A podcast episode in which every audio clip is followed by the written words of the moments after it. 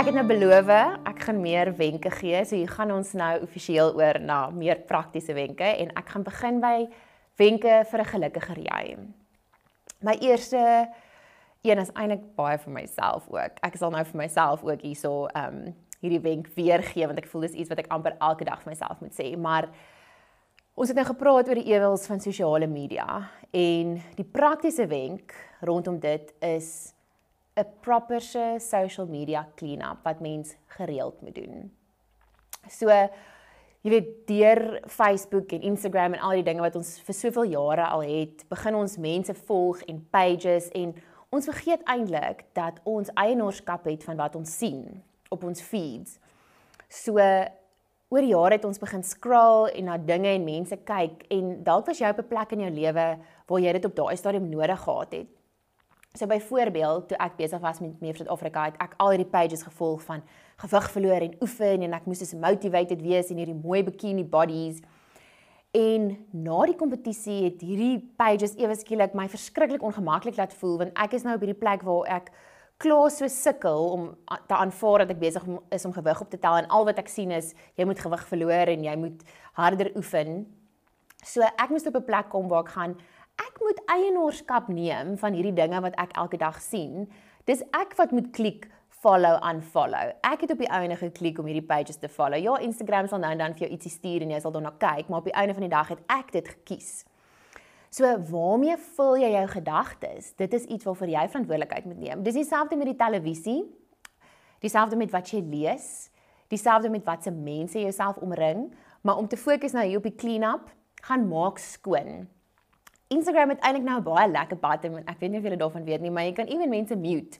So as ons nie wil dramaties wees en iemand aanfollow nie, dan kan jy net so 'n tydjie mute. As dit nie wat hulle nou post nie vir jou relevant is nie of dit inspire jou nie, mute hulle net vir so 'n tydjie. Maar gaan kyk regtig na die pages wat jy volg, die mense en vra jouself: Is hierdie pages die mense wat my laat goed voel? Voel ek hulle inspireer my? Is dit is dit iemand wat as ek na ek deur hulle page gescroll het, voel ek het ek het iets van waarde gekry. Is daar stapstens? Leer ek ietsie uit?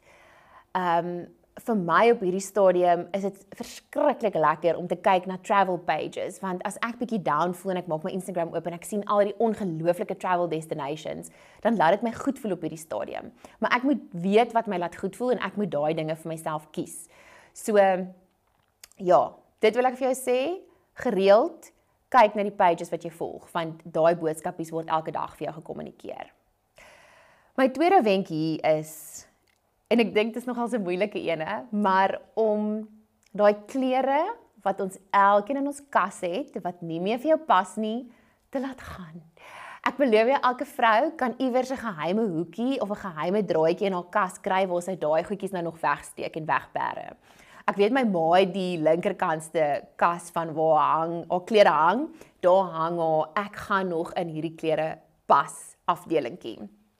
En ag, dit snaaks, ons kan lag daaroor, maar op die einde van die dag maak jy elke dag voor jy jou dag begin jou kas oop want jy moet kies wat jy moet aantrek.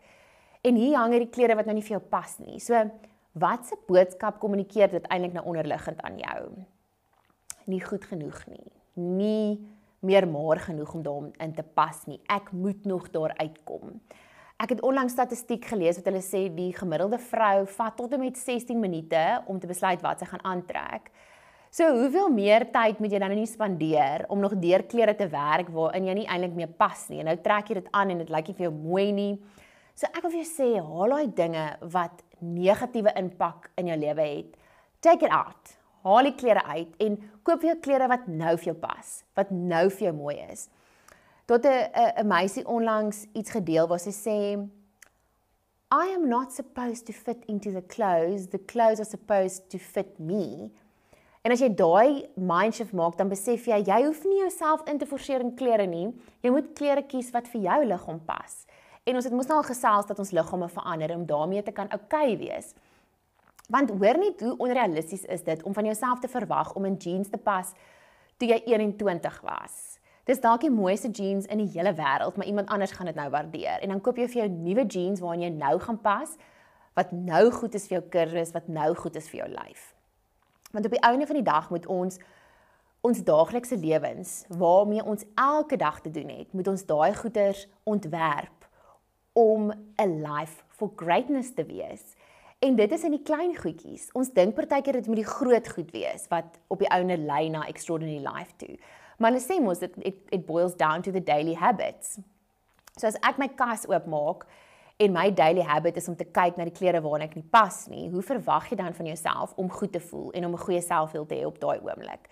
So ek sê altyd put it away, switch it off jy weet haal daai dinge uit wat jou lewe klatter wat wat jou amper nie nie toelaat om regtig 'n breathing space van selfaanvaarding en selfliefde hê nie. Take it away